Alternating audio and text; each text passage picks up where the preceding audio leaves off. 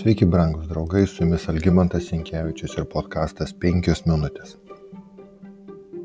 Nesuklysiu turbūt pasakydamas, kad arba patys žinote ne vieną liaudės patarlę, arba bent savo vaikystėje esate girdėję patarlės iš savo senelių, kaimynų ar iš savo tėvų.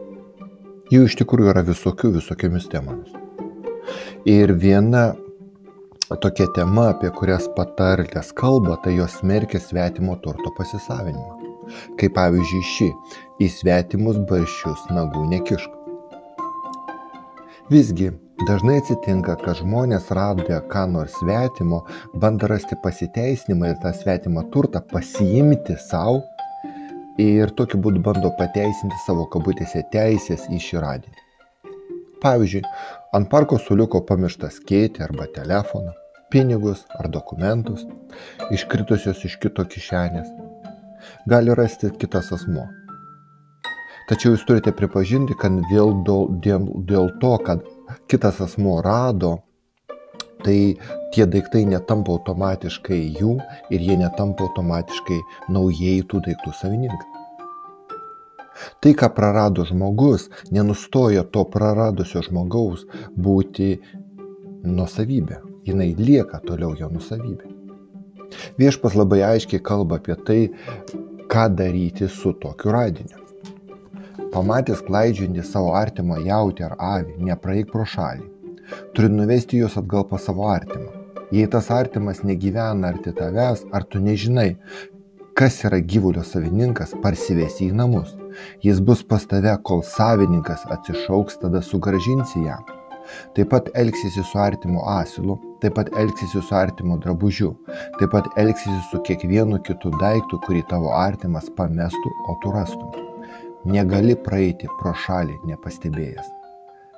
Įstatymo 22 skyrius. Šiame įstatyme labai aiškiai nubrėžiama atsakomybė už kitų gerovę. Be to įstatymas buvo taikomas ir priešams. Jei užtiktum paklydusi savo priešo jautę ar asilą, parvesi jį jam.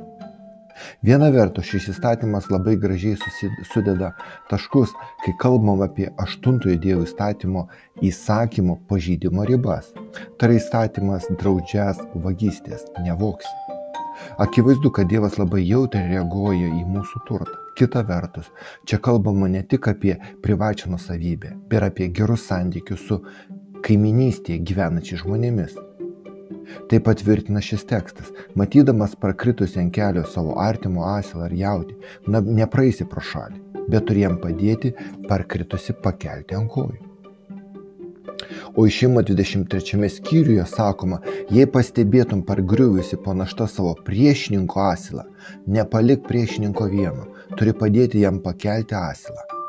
Toliau tekstas sako, mylėsi savo artimą kaip save patį, aš esu viešpas. Tai jau kunigų 19 skyrius. Taip sako šventasis raštas, atkreipiu dėmesį, mūsų vadinamas Senasis testamentas. Ir šią žodžių reikšmę Jėzus pakartoja.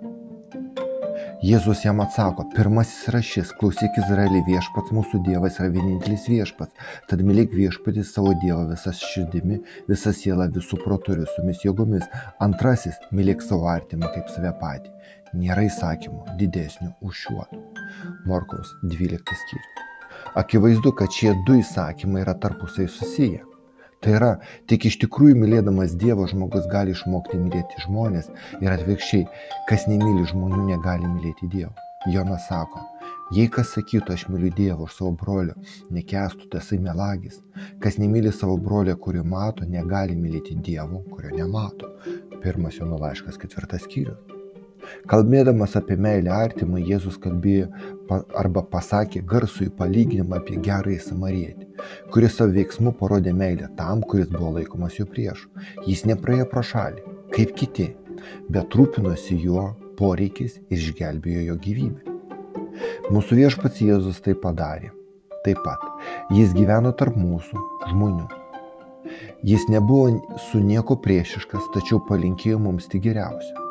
Savo gerais darbais jis laimėjo mūsų pasitikėjimą, kuris atvėrė mūsų širdies duris priimti svarbiausią tiesą. Dievas nėra ne vienam abejingas. Jis myli visus taip, kaip niekas žemėje negali mylėti. Ir tai įsirodė praktiškai suteikdamas mums atpirkimą savo gyvenimo kainą.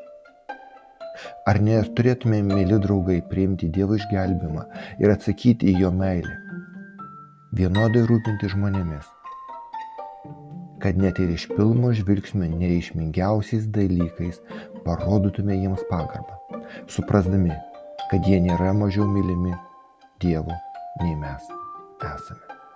Su jumis buvo penkios minutės ir Algymantas Jenkė.